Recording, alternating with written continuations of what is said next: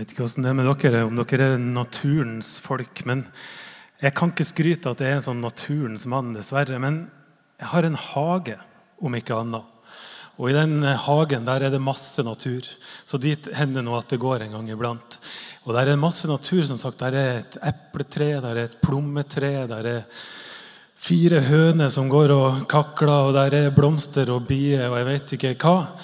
Og så er det en solbærbusk med masse deilig solbær. En sommerdag for noen år siden så drev jeg og ungene mine vi drev og sparka fotball i denne hagen. Og Da knakk ei grein på denne solbærbuska sånn halvveis av. Den knakk og ble hengende. Og Sakte, men sikkert utover høsten så seig greina ned mer og mer. Og til slutt så la den seg på bakken. Og Jeg tenkte flere ganger at nå skal jeg ta og kappe denne greina. Jeg skal kappe den helt av og kaste den og hive den. Bli ferdig med det og bort, få den bort. Men så gikk høsten uten at jeg gjorde noe med de greiene der. Og I stedet så ble en del av greina begravd av gress og høstløv og skitt og lort og etter hvert snø. Og vet dere hva som skjedde med den greina? Altså under løv og skitt og lort og høstløv. Det skjedde et mirakel. Eller et mirakels som vi sier oppe i nord. Og jeg tuller ikke. Det er helt fantastisk. For da våren kom og snøen ble borte, så kunne jeg se at greina hadde slått rot.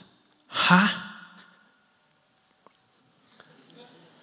Ja, men ærlig talt, er det ikke fantastisk? Og ut fra denne rota så vokste nå opp en helt ny solbærbusk. Så nå har jeg to solbærbusker uten å ha gjort noen ting. Og jeg skjønner jo det. Jeg kan jo lese. Jeg vet at det er sånn naturen fungerer. Altså. Og det er sikkert naivt å tenke at det der er helt spesielt utrolig fantastisk og mirakuløst. Men jeg klarer ikke å stoppe og forundre meg over at det var akkurat den greina. Den som var knekt. Den som var ødelagt, den som så død ut, den som var dårligst, den som skulle kappes og hives. At det var ifra akkurat den greina det skulle vokse ut nytt liv. Og ikke ifra alle de der perfekte greinene som hang rundt. Det er noe litt stort. Og Jeg har heller ikke stoppa å bli forundra over at uten at jeg har gjort noe som helst Det var vel hele poenget. Jeg gjorde jo ingenting. Og så har jeg plutselig to solbærbusker. Altså, Jeg elsker å få ting gratis, og det syns jeg at jeg fikk her. altså. Helt og fullt.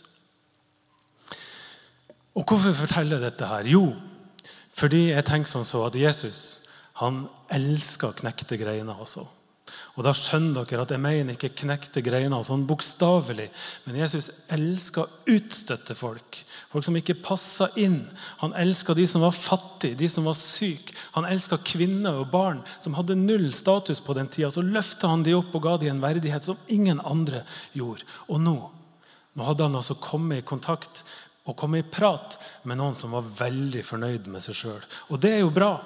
Det er fint å være fornøyd med seg sjøl, men disse her, de var altså så fornøyd med seg sjøl at de så ned på alle andre. Og det er altså ikke like greit. Og Denne gangen her, som alle andre ganger, så benytta Jesus sjansen til å løfte fram de svake. Jeg vet ikke hvor mange av dere som har gått på søndagsskole her, men dere som har gjort det, dere har hørt denne historien som Ole leste hørt den mange ganger. Det er liksom en av de mest kjente bibelhistoriene. Men husker dere hvordan den starta? Den starta sånn. To menn gikk til tempelet for å be. Det handler altså litt om bønn. dette her. Og hva er bønn for noen ting? Altså Hvis vi skal koke ned til det mest sentrale og aller mest kjernetingene når det gjelder bønn, så vil jeg si at kjerna i bønn det handler om å invitere Gud inn i vårt aller innerste. Si til Gud det som ligger på hjertet. Hvis du gjør det, ja, da ber du. Og Det er akkurat det disse to karene gjør. Begge ba en bønn som viste hva hjertet deres var fylt av. Fariseeren takka for at han var bedre enn alle andre. Og Spesielt var han glad for at han var bedre og levde på en annen måte enn han der andre, han tolleren som sto på sida. Mens tolleren han slo seg på brøstet og sa, 'Gud, vær med synder nådig'. Jeg tenker at Det er ganske vanlig at vi sammenligner oss med hverandre. ikke sant? Hvem er det her inne som er best? Hvem er det som er rikest? Hvem er det som er smartest? Hvem er det som er penest? Og Her er det altså to stykker som vurderer hvem som er best mennesker. til og med. Og Hvis vi sammenligner oss med Hitler for eksempel, eller Stalin eller med de mannfolkene i Kongo som voldtar både kvinner og barn hver en dag i krigen der nede Hvis vi sammenligner oss med sånne typer, ja, da kommer jo vi ganske godt ut av det. ikke sant? Det er menneskelig å tenke at ja, men vi er jo bedre enn de der. Vi lever jo mye bedre enn de som er nevnte nå. Men så går det an å sammenligne seg oppover også. da. Hvis vi sammenligner oss med mor Teresa og paven og sånt, ja, men da ser det dårlig ut. Eller hvis jeg får lov til å være intern, det er vi nesten aldri her, men Kraftverket tilhører jo Frikirka. Og hvis du sammenligner med Frikirkas synodeformann eller presbyterieformann Nå ser jeg at ingen av dere går i Frikirka. Men tenk hvis vi sammenligner oss med sånne folk. For det greia er at vi, vi, bruker sånne ord. Vi kaller lederne våre for dette her. Og det må jo være for å være, gi inntrykk av at de lever syndfritt. De er liksom utilnærmelige. Jeg mener, Synodeformann, presbyterieformann, alvorlig talt. Da må du føle deg ganske liten hvis du sammenligner det oppover sånn. Så spørsmålet er jo hvem sammenligner vi oss med? Jeg ser vi har fire frikirkefolk iblant oss. Halleluja. De som hørte på Jesus, som fortalte denne historien, de var nøye med hvem de sammenligna seg med. Om de sammenligna seg opp eller ned. Disse sammenligna seg med de som allerede lå nede og var knekt. Kanskje var de fariseere hele gjengen, det vet vi ikke. Men sannsynligvis så levde de ordentlig og ordentlig gode liv. Og Hvis du fulgte alle budene i Moseloven, sånn som disse her sannsynligvis gjorde, ja, så ble du betrakta som åndelig overlegen. Du var åndelig moden enda mer enn oldboys-bandet i Kraftverket. Men når Jesus er ferdig med historien, så skjønner vi at åndelig modenhet det handler ikke om å leve rent. Hørte dere det? Åndelig modenhet handler ikke om å leve rent. Men det handler om hvor bevisst vi er på vår urenhet. Hørte dere det? For dette er viktig.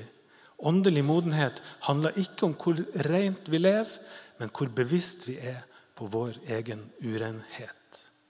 Åndelig modenhet det handler om å skjønne at det er ikke noen vits å sammenligne oss med hverandre. Det er ikke andre mennesker som er målestokken. Verken de som lever bedre, eller de som lever dårligere enn oss sjøl. Det er altså Gud som er målestokken her. Og Hvis vi sammenligner oss med Guds hellighet, ja, da er det vanskelig å skulle se ned på noen som helst. Da blir forskjellene mellom oss utrolig små.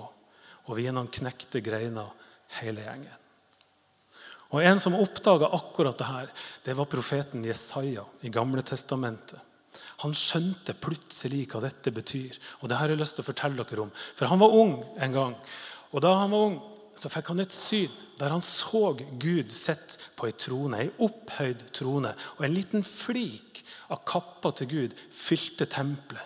Dette enorme byggverket.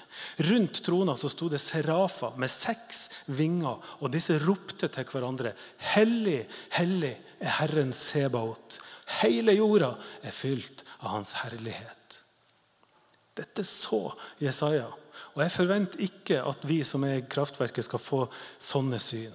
Det hadde vært kult hadde det skjedd. Men jeg forventer ikke at vi skal gjøre det hver dag. Men poenget er ikke hvordan dette skjedde. Poenget er at Jesaja fikk se Guds storhet. Og det tror jeg går an på en eller annen måte, eller på mange forskjellige måter, å se også i dag. Og Hvis vi skjønner hvor stor Gud er, han som skapte himmel og jord, ja, da tror jeg at vi instinktivt kommer til å reagere akkurat sånn som Jesaja gjorde. Og hva var det han gjorde for noe? Han ropte og sa, 'Det er ute med meg.' Dette går aldri bra. Det er ute med meg. Jeg er en mann med ureine lepper, og jeg lever blant et folk med ureine lepper. Dette kan ikke gå bra. Det var Jesajas sin respons da han så Guds storhet. Og det som skjedde etterpå, det tenker jeg er så utrolig fint. For det var ikke ute med Jesaja. Var ikke ute i det hele tatt for en av serafene fløy bort til ham. Og I handa hadde han tatt en, kull, eh, en glo som han hadde tatt fra alteret. Så rørte han ved munnen til Jesaja med denne gloa, og så sa han, all de skyld og synd er tilgitt og tatt bort. Ser dere det? Og Her viser Gud sin kjærlighet til denne mannen som hadde ureine lepper. Gud ga han et rent hjerte et kall og en tjeneste og en ny retning i livet, som dere kan lese om i hele Jesaja-boka i Gamle Testamentet. Åndelig modenhet dere, det handler ikke om å leve perfekt, men det handler om å være klar over sin egen synd, sånn som Jesaja var det. Og vet at du er ei knekt grein. Det er åndelig modenhet. Og den gode nyheten det er at Gud kapper aldri bort knekte greiner. Aldri. Gud elsker knekte greiner. Og Det er et mønster i Bibelen at Gud blåser liv i det som er knekt og ødelagt. Jeg var altså på teater her for ei uke siden, og det må jeg fortelle dere før jeg slutter å prate. Jeg var og så Bjarte Tjøstheim og stykket hans som heter 'Det går bedre nå'.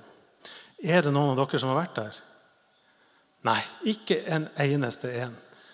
Oh, nå følte jeg meg litt kulturell her jeg sto. Men dere må gå og se det stykket. Det er helt fantastisk bra. Den mannen der han smelta mitt hjerte helt og fullstendig. Og hvorfor gjorde han det? Jo, for han sto der i over en time og viste at på alle mulige måter så er han ei knekt grein. Bjarte Tjøstheim starta forestillinga med at han går fremst på scenen og så sier han, hei, jeg heter Bjarte Tjøstheim, og jeg har angst. Og Så begynner han å fortelle fra livet sitt om hvor vanskelig det er å gå i butikken. Og om netter som er så svart og så mørke at når han kikker på det pilleglasset sitt, så er det en ganske stor fristelse for å tømme hele greia. Og Det høres ut som en verdens verste forestilling og beksvarte forestilling, men dette er jo en av de beste komikerne vi har. ikke sant? Masse humor, masse sjølironi. Og stykket det handler altså om hvilke metoder han bruker for å klare å leve med denne angsten sin. Og jeg er Litt kjipt at jeg må spoile eh, forestillinga hans. Jeg skal si bare bitte litt, for det er så masse. Dere må gå og se den. Men jeg skal spoile én ting. Og det er at en av metodene han bruker for å klare å leve med angsten sin, det er bønn. Fyren ber. Kanskje ikke så rart. Han er prestesønn, tross alt. Hele livet så har han bedt når angsten har vært som verst. Han har gjort akkurat sånn som både fariseeren og tolleren gjorde. Han har invitert Gud inn i sitt innerste og fortalt det hjertet er fylt av. Han sier, 'Gud, nå ser du den situasjonen som jeg er i. Vær så snill å sende en engel til meg.' Sånn at det kommer ut av dette. Det er bønna hans som han siterer. Og så sier han at jeg vet jo ikke om den bønna virker, for jeg har ikke sett så mange engler. Men kombinasjonen bønn og sobril ja, det er kjempeeffektivt. sier han. Det er rart han smelter alles hjerter. Helt til slutt i forestillinga så er han innlagt på akuttpsykiatrisk. Og Da sitter han på ei seng og forteller at han har fått øye på englene sine. De har vært der hele tida. Foreldrene hans, de to søsknene, kona, Tore og Steinar i Radioresepsjonen. Han ramsa de opp. Og så forteller han håpet som det innebærer. Og vet at han er ikke alene når livet er vanskelig. Og når han gjorde det, dere, da flirte vi ikke, men da grein hele salen. Bjarte Tjøstheim smelta alles hjerter. Og jeg er overbevist om at han også smelta Guds hjerte. For Gud elsker knekte greiner. altså. Det er ingenting som berører Guds hjerte mer enn når vi slipper Han inn i vårt innerste og sier sånn som tolleren Gud, vær med synder nådig. Eller som Jesaja, som sa at det er ute med, med meg. Dette kan ikke gå bra. Eller som Bjarte Tjøstheim gjorde. vær så snill og send meg noen engler, for dette klarer jeg ikke på egen hånd. Når Gud hører sånne ting, da smelter Guds hjerte. Og Kanskje vi ikke merker det for lenge etterpå, men jeg tror det at Gud aldri er langt unna når vi sliter. Og for et håp det er! For ei tru vi har. Ei tru som gir et håp om at under skitt og lort og høstløv og gress og snø til og med, så kan noe slå rot på en måte som gjør at det vokser fram noe helt nytt. Til og med fra den delen av livet som er aller mest ødelagt. Derifra kan det vokse ut noe fint. Noe gratis, til og med. Vi har et fantastisk band i dag. Gamlingene, altså. Jeg har bestilt den sangen som Ole leste første vers fra. 'Broken Things', Julie Miller, som handler om akkurat dette her. Du kan få hjertet mitt. Men da må du være klar over at det er ganske mye greier der. Tåler du det? Come on, boys.